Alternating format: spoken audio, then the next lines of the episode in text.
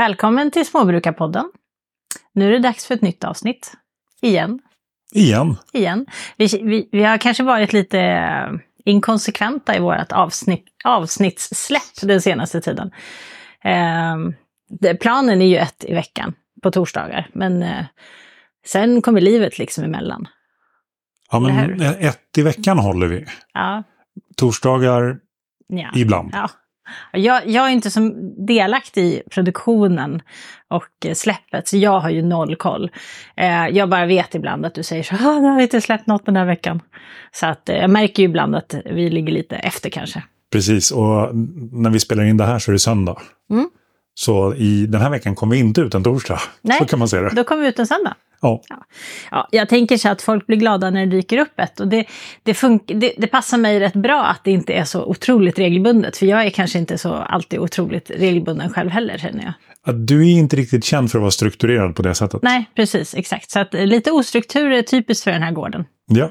Det där med struktur ska vi prata mer om senare. Mm. Ehm, men jag tänkte att vi väntar ju killingar och lamm. Mm. Du såg igår när vi var nere i gethägnet, både Andra och, och eh, Stina har ju satt juver. Ja, jag är inte så bra på att se sånt, men jag litar på dig. Man såg ju små tuttar där, så att jag tänker att det är väl det man ska titta på. Eh, men det är väldigt kul. Jag hade ju räknat kallt med att vi skulle få killingar och lamm i år. Så att, eh, jag hoppas ju att det dyker upp. Eh, och jag hoppas att eh, baggen har gjort sitt hos fåren så att vi får åtta lamm som vi fick förra. Vi fick ju nio faktiskt förra året, fast ett dog. Eh, för det har ju varit väldigt kul att ha så många bebisar som bara bä, bä, de är så söta. De är väldigt söta när de är små. Ja, och killingarna är också så gulliga. De hoppar och skuttar och har sig. Ja, nej, Ja. det ska bli kul. Det är alltid roligt med lite, lite nytt på gården tycker jag. Ja, faktiskt. Ja, det här är första året med egen bagge. Mm, Så Precis. ehm, ja, det kan bli, det, jag hoppas att det blir bra. ja, exakt. Och de är fortfarande inte riktigt 100% renrasiga. Så som vi har tänkt oss det. Men, eh, men det kommer, det kommer. Ja, alltså jag känner så här att när jag hittar en bagge som är, ehm, som är Gotlandsfår, Mm, då byter vi bagge. ja, precis. Nej, så att vi får väl se när det blir lamm och killingar här. Jag hoppas ju på, jag säger 14 dagar. Ja. Så får vi se. Eh, Förra året tror jag vi fick i maj. Ja, vi fick en maj förra året. Så jag tänker att om de har liksom haft samma känslor vid samma tid på året så borde vi få i maj i år också. Ja, och eftersom Gotlandsfåren har väldigt bestämda brunstperioder så kan vi vara ganska säkra på att det är så. Mm. Eh, Det gör ju också att jag får snickra ett vindskydd till. Ja, precis. För förra årets vindskydd i fårhagen blev ju ett halmhus. Precis. Och nu, det vindskyddet vi har i fårhagen, Ja, eh, eller vad ska jag säga, potatislandet, eh, det har man använt hela vintern så att det är så slabbigt nu när allting börjar tina. Så jag snickrar ett nytt istället. Mm. Och så halmar vi in det och gör det fint där så att de kan få sina lamm i lugn och ro. ja men det är bra. För sen tänkte jag att det här tältet som är ju deras vintervindskydd, det ska vi flytta bort därifrån sen. Ja, sen för att vi ska odla där också. Men eh, det tänkte jag att vi kunde ställa upp någonstans på gården, lite snyggt, inte för långt ifrån huset, för jag tänkte att man kanske kan måla fönster i det sen i sommar. Ja, ehm, Plus Precis. att vi brukar ju ha det för, för våra flyttbara hagar, brukar vi ha det också. ja. Men jag tänkte jag kanske kunde snorfa det lite grann för att måla något fönster också. ja, jag tänker, eller jag har en idé om det. att vi, vi ställer in det på andra sidan stora vedbon. Ja, I det utrymmet som är där. Vi ställer tältet där. Ja. För då är det ganska skyddat från blåst. ja precis. Så tills vi börjar använda flyttbara hagar och sådär så, och du vill måla fönster så har vi en bra plats. Ja, precis. Ja, ja, där kan ju stå ganska bra i lugn och ro. Jo. Ja, det är ju alltid så här, man tycker att eh, för första gången så äger vi liksom mark och inte bara tomt. Eh, vi har ju ändå tre hektar mark. Och man tycker det är hur mycket som helst. Och ändå så när det kommer till liksom runt huset så har man ingen plats alls. För någonstans är det så här, man, bara, men man vill ju ha det nära huset. Det är ju enkelt. Då kan man dra ut en slang om man behöver vattna. Liksom.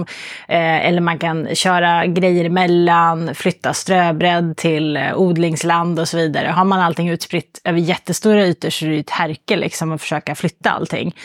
Men, men just runt huset finns det ju liksom ingen plats överhuvudtaget. Så vi äger mer plats än vad vi någonsin har gjort, men vi har lika trångt som vanligt. Ja, faktiskt. Det är lite roligt. Ja, och nu är det den här fantastiska lerperioden här också, när kärlen håller på att gå ur. Ja, det är hemskt. geggigt och klafsigt och bajsigt överallt. Och jag, jag får så här lite panikkänslor för att Eh, jag har ju sett hela vintern hur samurajer springer runt och bajsat och jag har ju gått och plockat ibland men sen försvinner det ju i snön och sådant också. Och fåglarna de bajsar ju kopiöst mycket, i alla fall anker och, och gäss, de bajsar så stora liksom, kluttar och så här. Så nu när allting är bara sörja så har jag så här känsla i kroppen att jag bara vadar runt i bajs. Fast Ah, okay. mesta delen är väl kanske lera, men jag tycker det är så äckligt så jag kan bli verkligen säga när jag går där och det bara klafsar, jag tycker det är jätte... Mm. Ja, jag förstår. Ja, Ja. Nej, sen eh, där hos eh, fåren nu så ska jag bygga, jag började bygga idag på ett vindskjul. Och så ska jag sätta upp det där. Och sen när fåren har lammat, då tänker jag att, och då liksom vi har, flytt, har börjat flyttat dem, då ska grisen få gå där en liten stund också. mm, Bara så vi får lite nedtrampat och lite bökat och sådär. Precis. Och sen är det dags att odla. Sen är det dags att odla och då, det är då först vi kommer bestämma oss. Blir det potatis eller blir det något annat på den platsen? Ja, eller så blir det något annat där vi hade potatis.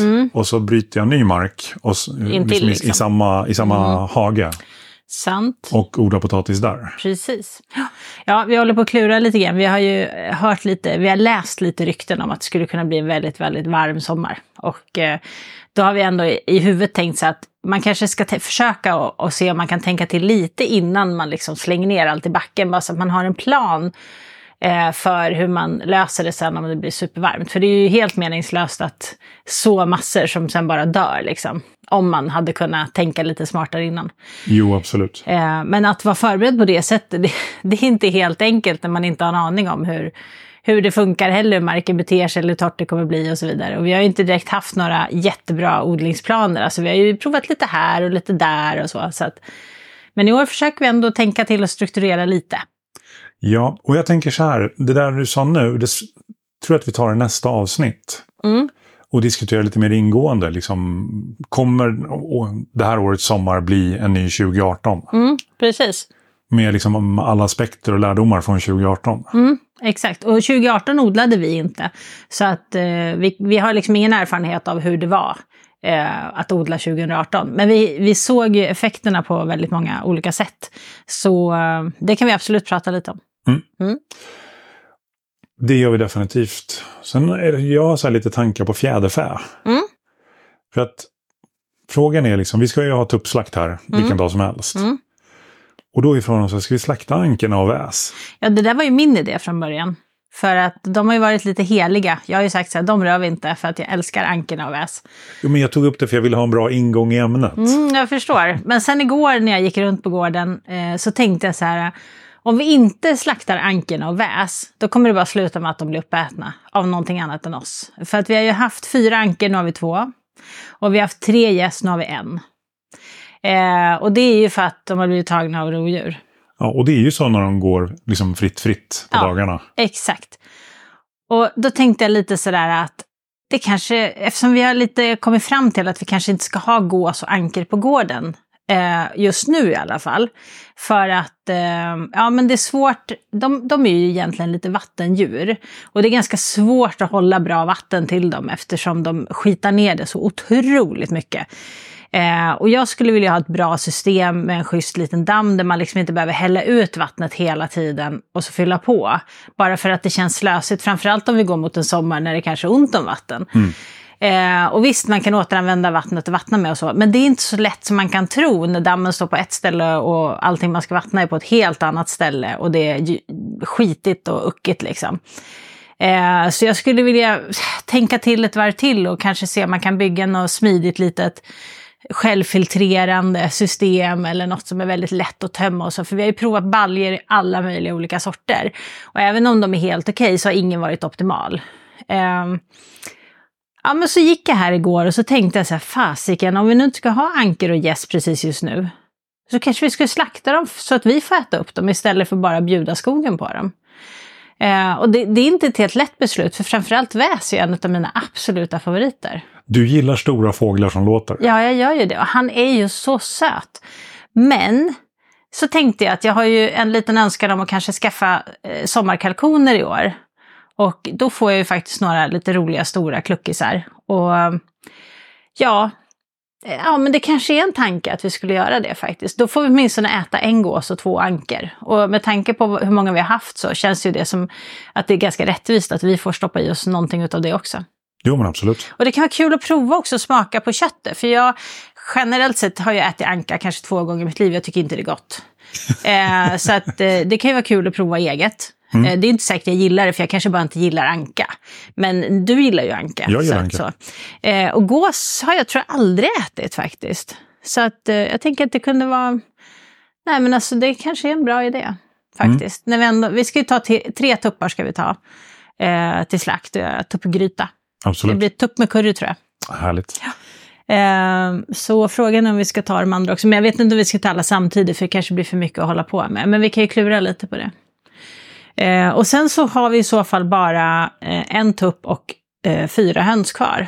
Och då ska vi köpa massa hönor. Mm. Alltså beslutet i år är att vi ska satsa mer på hönsen. Mm, precis, för jag vill komma åt äggen. Och jag tycker att få, alltså fåglarna är ju några av mina favoriter. Det här är ju det, mitt stora dilemma. Egentligen skulle jag vilja lite stänga in dem för att de bajsar precis överallt.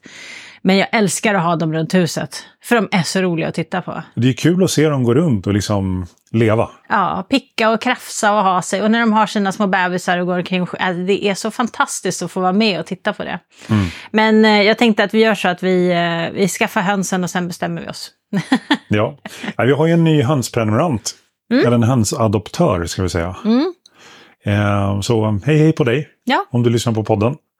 Ehm, just nu så har vi en höna som ligger på, eller jag ska inte säga att jag vet att hon ligger just nu, men i morse så låg hon på åtta ägg. Mm, vi hoppas att hon ska stanna kvar där. Mm, mm. För det vore um, intressant. Ja, precis. Sa du att det var vita hannan som gjorde det? Ja. Ja, det är annars den hannan jag gillar minst. Den vita hönan, hon är liksom eh, tråkigast av alla hönsen på något sätt. Men förhoppningsvis ruvar de bra. Ja, absolut. Mm, jag var så säker på att det var en av de grå som skulle lägga sig på äggen. Ja, sen vet vi inte om, om hon stannar kvar, det märker vi ju mm, snart. Precis. Så, nej, men med hönsen, jag vill ju ha liksom rashöns, lantrashöns. Mm. För att bevara arten och liksom hela den grejen. Men det jag känner är att vi behöver bättre infrastruktur och liksom lösningar för sommaren och vintern. Ja, alltså det är ju så här, ska man köpa lantrashöns, vilket man absolut kan göra, så kostar ju de en del. Det är ju inte så dyrt om man skaffar kycklingar och, och liksom låter dem växa upp själv. Men vill man köpa liksom färdiga höns så kostar det eh, kanske 300 kronor per höna eller någonting sånt, kanske mer. Ehm, eh, och det, det, blir ändå en del pengar. Eh, framförallt om man tänker att man matar räven med hälften av dem. Så är inte det sådär jätteroligt. Så då känner jag så att det är helt okej liksom, när vi inte har så himla dyra höns. De är lite så blandraser, de är jättefina, det är inget fel på dem. Bra äggläggare. Eh, så det är helt okej att de liksom springer runt löst och så tar även någon ibland. Men om vi köper sådana dyra höns, då vill jag nog ha lite bättre koll på dem så att de liksom inte går åt som som mat till, eh, till räven hela tiden. För det känns så himla tråkigt. Det, är liksom, det känns lite som pengar rätt ner i sjön. Mm. Så, uh, nej, så det, det, känns ju som att, jag tycker du har rätt där, att um, när vi börjar med när vi börjar med liksom rashöns, eller vad ska jag säga. För det är också, jag tycker också det är kul att kunna rädda de här gamla raserna. Men, uh, men då ska vi ha lite bättre plan för det. Mm, precis. Mm. Alltså det jag tänker göra nu det är att bygga om en, en kärra som jag har, som jag byggt från första början. Mm. Men att jag bygger om den så att den blir mobilt hönshus. Mm. Och sen ha nät som vi kan spänna upp. Så de kan gå på det nätet. Mm. Det är min plan. Ja, de ska inte gå på nätet. Ja, de, uh, sorry. De går i den hagen som nätet bildar. Ja, precis. Och för att de inte ska flyga så tänkte vi försöka vinklippa dem. Ja. Och det har vi ju gjort förut. Det gick inte så himla bra. det var ganska kul. Vi, vi la verkligen lite tid på att fånga in alla hönsen och klippa alla hönsen. Och det var inte särskilt svårt. Det var svåraste var möjligtvis att fånga in dem. Och så samlade vi alla i hagen och så tog det inte ens tio minuter så hade de flyttat ifrån. Mm. Eh, så vi insåg då att man klipper tydligen inte bägge sidorna utan man klipper bara ena vingen. Ja. Eh, för då är det svårare för dem att, att, flyga rakt upp över nätet. För de vande sig ju snabbt vid lite korta fjädrar och så bara flög de. Ja, tog i lite extra. Ja.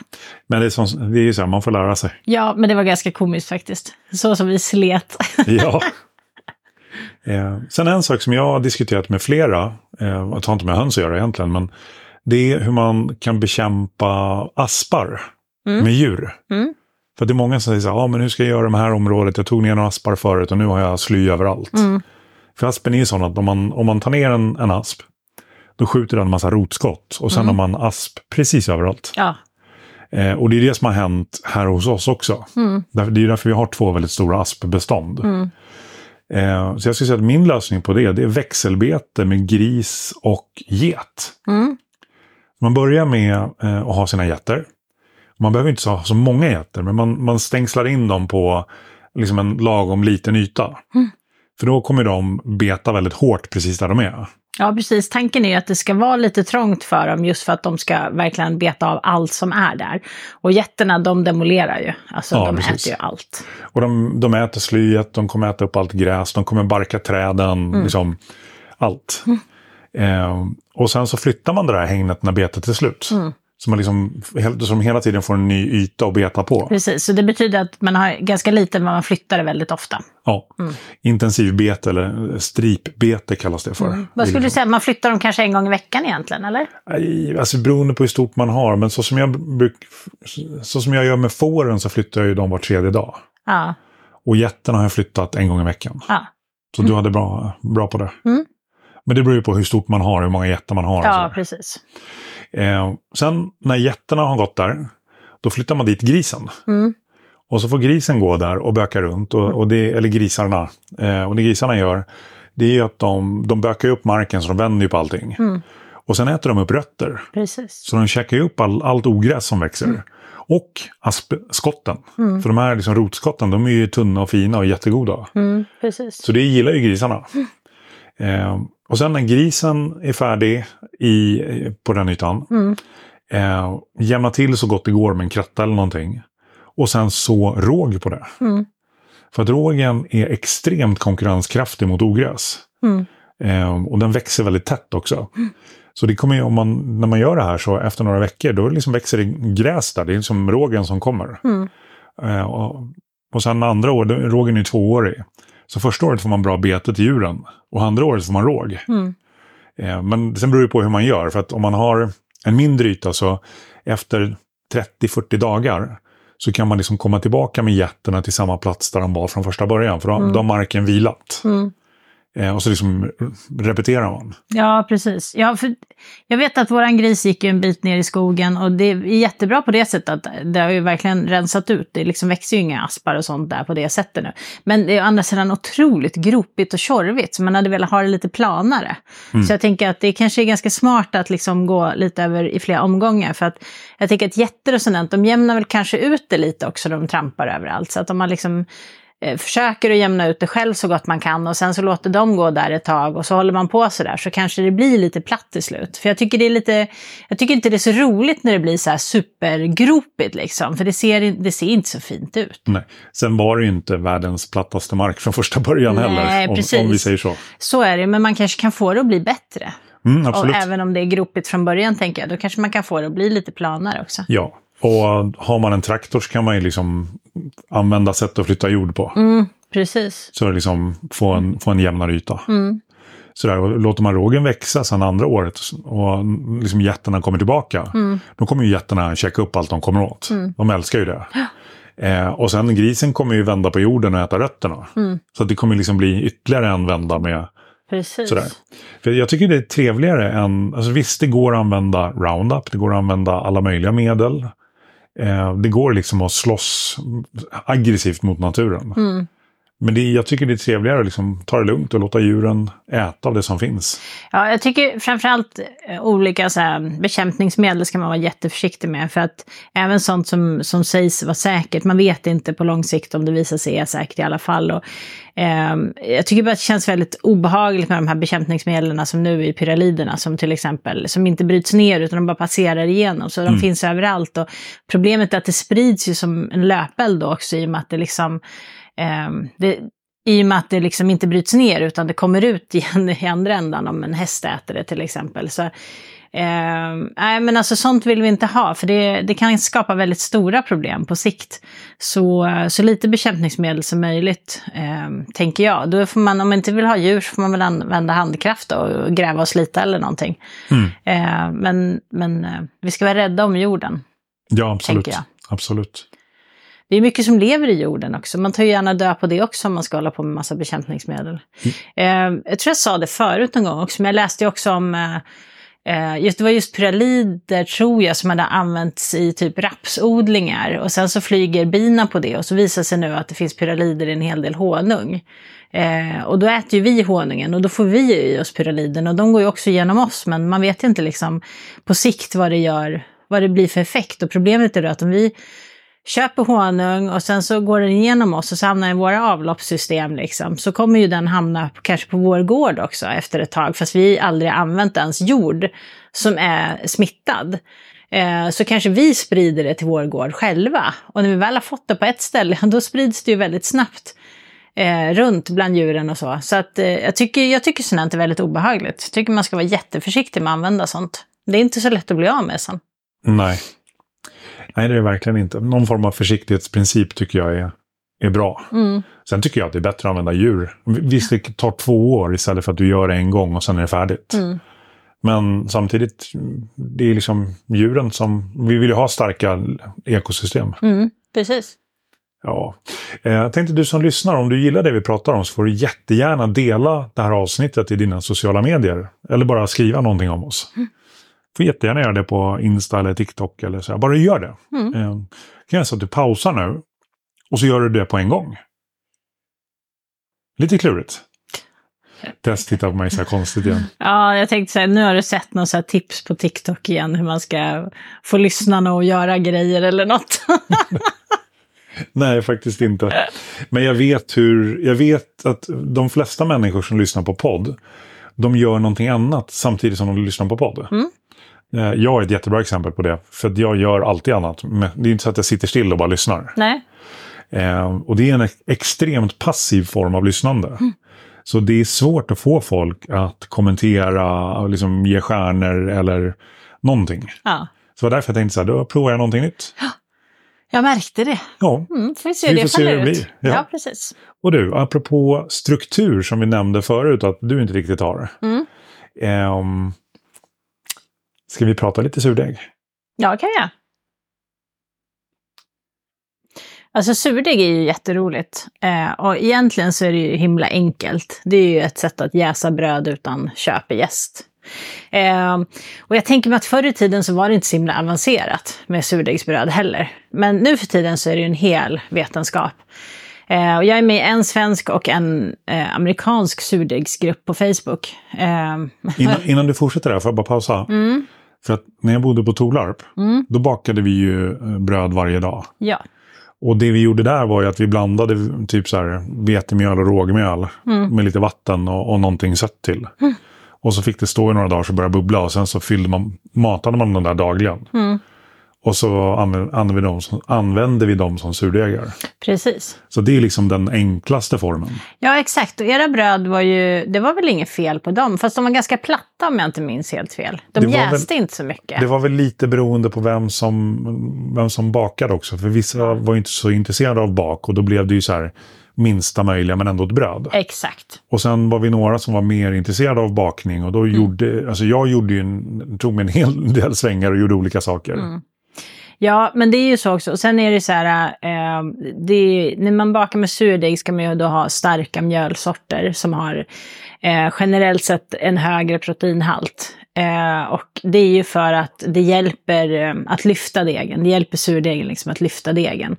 Eh, så att det kan jäsa och bli högt. Och har man då ett väldigt grovmalet mjöl, som ni hade, ni malde ju eget mjöl, så ibland var det ganska grovt om man inte orkade stå liksom och Det var väldigt och grovt. sila det hela tiden. Så då, lyfter, då orkar ju inte brödet lyfta på det sättet heller. Så det säger sig självt att, att det blir ett, ett plattare och stummare bröd om det är ett väldigt, väldigt grovt bröd såklart. Eh, och jag kommer ihåg att ert bröd var ibland väldigt, väldigt surt och ibland lite mindre surt. Ibland var det lite för surt till och med för mig som tycker ändå att det här finska grova surdegsbrödet, det, det är vad jag är det som uppvuxen doftar, på. Liksom. doftar lite tobak nästan. Ja, precis. Nej, men det är en hel vetenskap och i de här grupperna så är det ju alla möjliga slags människor med. Eh, väldigt mycket nybörjare, men också riktiga proffs. I den svenska gruppen så är det ju åtminstone ett par, tre stycken tror jag som har egna bagerier och bakar på riktigt liksom och Coolt. säljer. Eh, så man ser ju när de lägger upp bilder, då är det ju liksom inte en liten surdegslimpa utan då är det så här 65 baguetter liksom. Så att, eh, ja, så det är högt och lågt och det är otroligt mycket kunskap. Men det är också sådär, hur fasiken väljer man vad man ska lyssna på och vad man ska liksom, vilket sätt som passar en själv. Och det är verkligen så här, det är som så här, um, vad heter det här Blumenthal, vad han lagar för mat? Det är så här mikro makromat. Han, han gör väl det? väldigt eh, de dekonstruerad mat också? Ja, men det har ju något sånt namn, nu kommer jag inte ihåg vad det heter. Ja, men sen när man liksom bara håller på med kemi och det är liksom ner på den nivån så att du ska veta exakt liksom mjölsorten, var den är odlad, hur den är beredd, vilken vattenhalt den har, vilken proteinhalt den har, mm. hur stark gluten, liksom verkligen är på så här mikronivå liksom. Eh, och samtidigt så känner jag så att surdeg förr i tiden, det var ju liksom blanda lite, låta det vara och så, så skjutsa in det i ugnen. Det var verkligen inte så himla avancerat. Nej, precis. Så det gäller ju liksom att hitta sin egen nivå eh, där i mitten någonstans. Och det är inte så lätt kan jag tycka eftersom det finns så mycket att välja på liksom. Men, eh, men man kan ju göra det lite till sin egen grej och välja liksom sin egen nivå när man väl kommer underfund med hur kemin funkar. Hur, lite, lite sådär. Man behöver ändå liksom ha en förståelse för surdegen som sådan, hur den funkar. Liksom. Och man behöver också lära sig läsa sin egen deg och förstå sin egen deg i ens eget hus. För det är också verkligen så här, när folk lägger upp bilder på bröd som inte är perfekta så undrar de så här, vad är det som inte funkar? Och då måste de först presentera hela receptet och presentera allt de har gjort med brödet för att Just. folk ens ska kunna börja och liksom hitta felen i det. Eh, men sen är det också så här, vilken altitud du bor på spelar jättestor roll. Mm. Hur varmt du har hemma spelar jättestor roll. Om du bor i, en, i liksom tropikerna, eller säga, men om du har väldigt hög luftfuktighet så spelar det jättestor roll, till skillnad om du som vi har oftast väldigt torrt. Eh, så alla de här grejerna spelar in om du verkligen är ute efter att få någon form av perfekt surdegslimpa. Vilket är, det är rätt häftigt faktiskt. Och sen mm. har vi då förutom då det här perfekta brödet som är så snyggt, så då jobbar ju folk mycket med att vika in olika smaksättningar i brödet och göra alltså själva att snitta brödet i olika liksom, vackra mönster och sånt. Alltså det är flera vetenskaper i det här. Uh, ja. ja man kan hålla på hur länge som helst egentligen med surdeg. Eller så kan man göra det supersimpelt såklart mm. och bara inte göra så mycket mer än ett bröd som blir gott. Ja, och det roliga här, det är att vi, vi jagar ju inte perfektion och vi försöker liksom inte optinoja så mycket utan liksom det, det, good enough, så här, mm. lagom, är, lagom gör det liksom. Mm. Och i det här så, jag har ju ätit flera av dina surdegsbröd. Mm. Eller jag har ätit allt du har bakat. inte själv dock, men ja. Eh, och jag är ju så konsumenten på andra sidan. Mm. Och jag är så här, det här är fantastiskt, det här är jättegott. Och det är så här sekt på insidan och en skorpa som är knaprig. Och du är så här, ja men det är inte perfekt. Nej, Nej men alltså nej, jag, försöker egentligen inte optimera heller. Men när jag gör saker själv så vill jag alltid nå någon form av perfektionism. Alltså, men det ser du, jag kan ju riva upp samma stickade projekt hur många gånger som helst för att det inte är precis perfekt. Och först när det liksom blir så jag tycker att men det här är, nu är det liksom så som jag vill att det ska vara. Ja men då är jag nöjd, då kan jag byta projekt och gå till nästa liksom. För då har jag ju lärt mig just det jag skulle lära liksom. Eh, och det är väl lite samma sak med surdegsbröd. Jag har sett några bröd nu som är sjukt fina. Som jag verkligen tycker att det där skulle jag köpa, det där skulle jag betala mycket pengar för ett sånt bröd. Och då vill jag göra ett sånt bröd. Och sen när jag nått det och kan göra ett sånt bröd, då kommer jag säkert vara ganska nöjd och tycka att nej, men nu lämnar jag surdegsbakningen ett tag. Men, men jag har liksom en sån bild i huvudet av hur jag vill att det ska se ut. Och då vill jag liksom lära mig stegen för att nå till den platsen. Ja, just det. Och då ska man säga så här, för mig som lekman då, mm. liksom så här, glad hobbyist, mm. så ska jag säga att det som, du, det som jag känner att du vill uppnå, det är så här att det är lagom bakat. Mm. Nej, det är lagom jäst. Mm. Det ska inte vara överjäst, det ska inte vara underjäst. Mm. Och det ska vara lagom bakat, mm. alltså inte underbakat och inte överbakat. Det ska ha en bra skorpa. Eh, och det ska vara eh, tilldragande att titta på. Alltså mm. det ska vara snyggt. Mm. Ja, och degen ska ha liksom en, en eh, bra sammansättning mellan mjöl och vatten så att den håller ihop. Mm. Eh, så att man kan liksom forma brödet och få den formen som man vill ha. För det, det är ju lite så ibland så bara, ja men det här blir ett ovalt bröd och sen när det kommer ut ur ugnen så är det en rund platt cirkel. och då känner jag så här, det spelar ingen roll om brödet ser okej okay ut och är gott, för det är fortfarande inte ett ovalt bröd, vilket det kanske var tanken att det skulle vara. Eh, och då fortsätter jag tills jag liksom hittar det här sättet att göra mitt ovala bröd, om det är det jag är ute efter. Mm. Liksom. Törs jag utlova att det kommer ett recept på någon form av bröd? Um... Nej, inte, inte på ett tag än. Eh, alltså jag provar mig fram just nu och testar en massa olika. Så att, eh, och mixar och testar lite. Och sen det här med surdegsbrödsrecept. Alltså det finns en miljard ute att följa. Och det finns också väldigt bra liksom, eh, guider om man bara hittar dem. Eh, till hur man ska liksom, komma igång och sådär. Eh, men alltså det viktigaste är ju egentligen att alltid anpassa dem efter ens egna förhållanden. Därför det är skillnad här hemma, det är skillnad att baka surdeg på sommaren och vintern. Alltså det är så mycket just temperatur och luftfuktighet och sånt. Det spelar verkligen in i hur, hur degen ska vara och hur länge den ska jäsa eller hur blöt du ska göra den och så vidare. Um, och, och, då måste du liksom komma fram till vad du trivs med att jobba med. Gillar du att jobba med blöta degar, vilket är väldigt svårt, eller vill du ha en deg som håller ihop lite lättare och enklare ger ett, liksom, ett bra utseende? Och hur funkar den i ditt hus? Så det, egentligen är surdegsrecept väldigt svårt, man får se det som en inspiration. Eh, för att det kanske inte alltid blir samma resultat även om man gör exakt samma steg. Bara för att man är på en annan plats. Jag förstår. Det, det som jag skulle vilja göra det är att alltså, dina bröd är ju fantastiskt mm. goda och de, mm. de börjar bli jättevackra. Mm. Och de börjar få den formen som du liksom uppskattar. Mm. Eller som du, som du ville ha. Eh, jag kan ju tänka mig att de, du som lyssnar på det här vill prova också. Mm.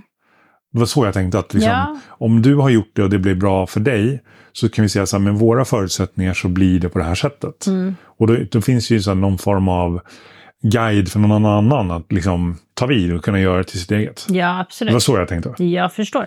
Ja, men absolut. Det kanske man kan komma fram till förr eller senare. Sen är det så här med surdeg, eh, något som jag inte alls hade koll på. Jag håller på med surdeg förut, fast det var jättemånga år sedan. Eh, men nu för tiden så pratar man mycket om att man häller av surdegen. Det kallas för avhäll eh, på svenska. Och det är, jag tror att folk kallar det, för det är det jag har sett mest i alla fall. Jag kanske sätter det på pottkanten nu, men vad heter det på engelska? Ja, men det vet jag ju. Eh, discharge heter det. Ja, discharge. Mm. Mm. Och eh, det betyder egentligen att du, ja, du, har, eh, du jobbar med en väldigt liten mängd surdeg hela tiden. Och det är ju för att när du matar surdegen, traditionellt sett så matar den ett 1-1, det vill säga att du har 50 gram surdeg, då har du 50 gram mjöl och 50 gram vatten. Mm. Alltid gram, aldrig i, i mått. Mm. För att eh, du får fel mått om du väljer liksom volymmått. Du behöver viktmåttet Vikt, för att få vikt det väger vad det, vad det väger. Det spelar mm. ingen roll liksom hur du skopar upp det. Eller Nej, så, precis. Det, det, väger. Exakt. Och om du då tänker att du har en väldigt stor surdeg, då måste du också mata den med väldigt mycket mjöl hela tiden. Det blir kopiösa mängder, det är svårt att ha hand om, det bara rinner över och kladdar. Eh, och du använder inte så mycket surdeg när du bakar i alla fall, att det liksom finns något syfte i det. Så nu har man oftast väldigt, väldigt små surdegar, kanske 50 gram i, i sin burk. Eh, och så matar man den. Och inför liksom brödbak och så, då kan man mata den istället för att mata den 1-1-1 kan man mata den 1-2-2 eller 1-4-4. Så man har eh, mycket mera liksom, mjöl och vatten till sin lilla surdegskrutt så att du får mycket större surdeg ganska snabbt. Eh, och då får man väldigt mycket avhäll, för då om du matar den, eh, om du har 50 gram surdeg så matar du med 50 gram mjöl, 50 gram vatten, då har du 150 gram totalt. Mm. Nästa gång du ska mata den, då har du 100 gram över. För då tar du bort 100 gram för att kunna mata upp de där 50 igen. Avhäll känns lite fel, fel ord, men jag förstår vad du menar. Det är det de brukar kalla det, ja. i alla fall. Och då stoppar du det där avhället i en burk i kylen, därför att du vill inte slänga det. Och det sista du ska göra är att spola ner det i vasken. Därför att mjöl och vatten det är klister. Så att det är ingen bra idé, det kan jag säga med en gång. Eh, men du kan ju alltid slänga ditt avhäll på komposten om du har det. Du kan mata det till en del djur. Det går höns kan äta och gris kan äta vet jag. Sånt. Man kan baka upp det och ge det till dem om man inte vill ge det blött. Det går ju att göra massor med saker. Det finns också en uppsjö med recept för just surdegsavhäll. Och surdegsavhäll är ju egentligen omatad surdeg. Alltså det är, eller surdegsgrund ska man kanske säga. Så att om du skulle ta en del av den och mata upp den, då skulle du ha en surdeg till. Så du kan ju göra en miljard surdegar på det här sättet. Men det finns ju inget syfte med att ha det på det sättet. Eh, så på avhället har jag då bakat eh, fröknäcke. Just det. För jag hittade ett fröknäckerecept som var väldigt enkelt. Man blandar egentligen bara en del utav surdegsavhället med eh, mjöl, vatten och frön. Och sen så brer man ut det på en plåt och kör i ugnen och så bryter man sönder det. Eh, och det vart jättegott. Man kan ju krydda det på massor med olika sätt om man vill. Alltså man kan ju bara ha lite flingsalt på om man känner för det. Men du kan ju hälla på lite chili eller lite örter eller vad du nu känner för. Eh, i, eller ha i smeten också. Du kan ju blanda, alltså du kan ha olika frön från gång till gång och sådär. Det är ett väldigt eh, flexibelt och enkelt recept. Där du liksom ändå kan göra någonting med det här väldigt snabbt och enkelt. Och fröknäcke är ju gott.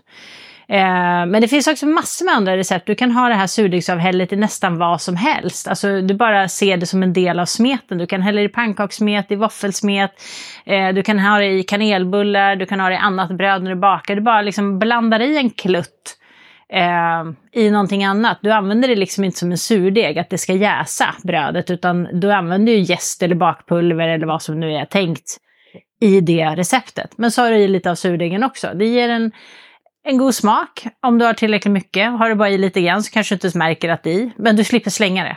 Precis, det viktiga där är ju liksom att ta tillvara på det man skapar. Exakt. En permakulturregel. Mm, precis, så, att, eh, ja, så då brukar det sluta med att man har två eller tre burkar i kylen. Du har en för avhäll, en för vetesurdeg, en för rågsurdeg. Eller så har du bara en för surdeg, oavsett vete eller råg, vad du vill köra med. Liksom. Eh, och så en för avhäll. Och då gäller det att jobba upp den där avhällsburken lite snabbt så att den inte blir full. för att den blir fort full om du matar din deg ofta. Just det. Men bara så jag förstår, det här avhället, det är liksom samma som det du har i surdegsburken? Mm. Fast det är liksom, du vill inte ha det därför att du vill att din surdeg bara ska bli kraftigare.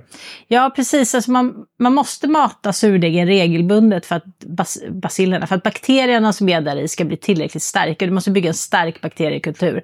För det är den som ser till att brödet orkar jäsa sen. Eh, och då måste du mata degen kontinuerligt. Och då häller du av från degen för att det inte ska bli liksom flera kilo surdeg. Om mm. du bara matar och matar så blir det bara mer och mer såklart. Eh, så då häller du av från burken hela tiden så att du bara matar upp lite grann i varje omgång. Liksom. Och det är det som blir. Så det är egentligen surdeg det också. Det är bara Just. att du har plockat den åt sidan och då mm. kallas den avhäll på svenska. Jag förstår.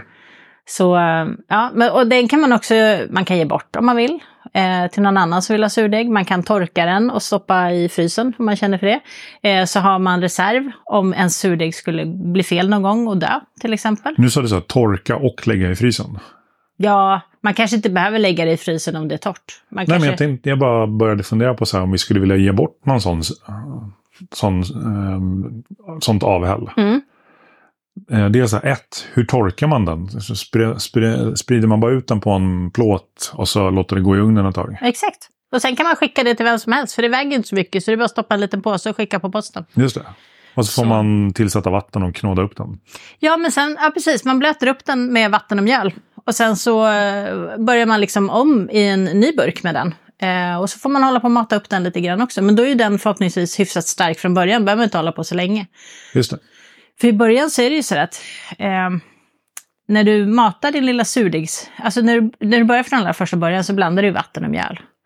Och sen låter ju det, stå, så blir det ju en bakteriekultur där i som är väldigt bra en bra bakteriekultur. Det kommer lukta liksom syrligt lite åt acetonhållet men kanske inte så starkt. Och det beror jättemycket på hur länge den har stått, hur hungrig den är, mm. eh, hur varmt den har stått så kommer den dofta på olika sätt. Men den ska generellt sett dofta men inte lukta. Om man nu drar en parallell så. Det kan vara svårt att veta om man är ny. Men om det är sådär så att du verkligen håller på att dö, då kanske kanske det har gått något fel i det. Den ska inte mögla heller, så att det kan man också, om, om den ser väldigt skum ut så, så vet man att det kanske är något fel. Men sen har man den här burken, den ska ju stå i rumstemperatur. Eh, och så ska man ju hålla på att mata den här då. Och en del i början, de matar ju sin var tolfte timme för att den ska bli jättestark. Alltså de eh, matar den eh, och efter 12 timmar så tar de bort Eh, så att de har bara en liten klutt kvar, så matar de den på nytt och efter 12 timmar tar de bort så bara en liten klutt kvar och så håller de på så här. Jag orkar absolut inte hålla på på det sättet. eh, men absolut, vill du ha en, en stark surdeg snabbt så kanske det är ett sätt att göra det på. Eh, jag gjorde så att jag när jag började från början så blandade jag mjöl och vatten och så lät jag det stå tills det bubblade. Sen slängde jag in den i kylen och så fick den stå någon vecka eller så tills jag ville mm. baka och då matade jag upp den. Och då brukar regeln vara på ett ungefär att du tar ut din sur surdegsklutt ur kylen i burken där, eh, matar den och när den börjar bubbla ordentligt, då bakar du på den. Då tar du bort det du ska till bakningen. Just det. Och sen slänger du in den i kylen igen. Eller så matar du den och slänger in i kylen. Det finns jättemånga olika sätt. En del matar ju inte sin surdeg heller innan de bakar på den. De bara tar ut den i kylen och bakar med den och så matar de det som är kvar i burken och så stoppar de in den på nytt. Så att det, alltså det, man får liksom prova sig fram till vilket sätt som passar en själv. För det, det, man kan säga att det finns så många olika varianter så det är nästan svårt att göra fel.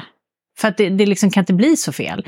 Det som är grunden i det hela är väl att du ska ha rätt textur på själva surdegen. Den ska gärna vara som en tjock våffelsmet eller någon så här tjock eh, kaksmetsaktigt. För är den för hård, alltså för tjock och kompakt, då kommer den inte kunna bubbla och resa sig. Så då kan du inte se att den funkar ordentligt. Och är den för rinnig, då kommer den inte heller bubbla och resa sig, därför att alla, allt, allt, eh, alla bubblor bara försvinner i den. Så du ska ha en lagom tjock smet så att den kan resa sig i burken, för då ser du att den lever, liksom, mm. att den funkar. Um, och sen kan du ha den i kylen mellan varje bak. Den kan stå där rätt länge. Jag brukar ta ut min en gång i veckan på ett ungefär och mata den. Alltså då plockar jag av eh, en del och så matar jag resten. Och så stoppar jag tillbaka den i kylen. Och sen kan man ju hålla på så hur länge som helst. När man vill baka med en så gör man bara det. Och vill man ha mycket surdeg till sitt bak, då matar man ju upp den som sagt lite mer innan baket. Då får du en större mängd surdeg som du kan ha till ditt bröd. Liksom. Ja, det är mycket med det jordiska. Men eh, har ni några frågor så är det bara att fråga. Mm. Absolut. Ställ frågor till Tess om surdeg. Ja, Surdegsbak och eh, allt annat runt omkring surdeg. Ja, precis. Jag kan inte säga att min surdeg är superpotent, för jag har inte en aning. Jag har inte hållit på med den så himla länge, så jag tror inte att den är jättestark. Men om någon vill ha surdeg så är det ju bara att vi torkar och skickar. Så det precis. är ju inte så svårt. Eh, men jag skulle nog säga i så fall att det är bättre att vänta lite så den får stå ytterligare lite till, för den kanske blir starkare då. Men eh, om det är någon som vill ha nu så jag kan absolut skicka, får vi se vad som händer. Ja, du jag blev så himla sugen på sånt där fröknäcke. Mm. Så jag tänkte gå ut i köket och ta med lite fröknäcke. Ja, det gör du rätt i. Vi har ju massor. Absolut. Jag bakade sex plåtar häromdagen, så jag tror det räcker ett tag. det räcker definitivt ett tag. Ja, det är strålande. Tack för det. Och eh, tack för att du har lyssnat. Mm. Får du ha det så bra. Hej då. Hej då.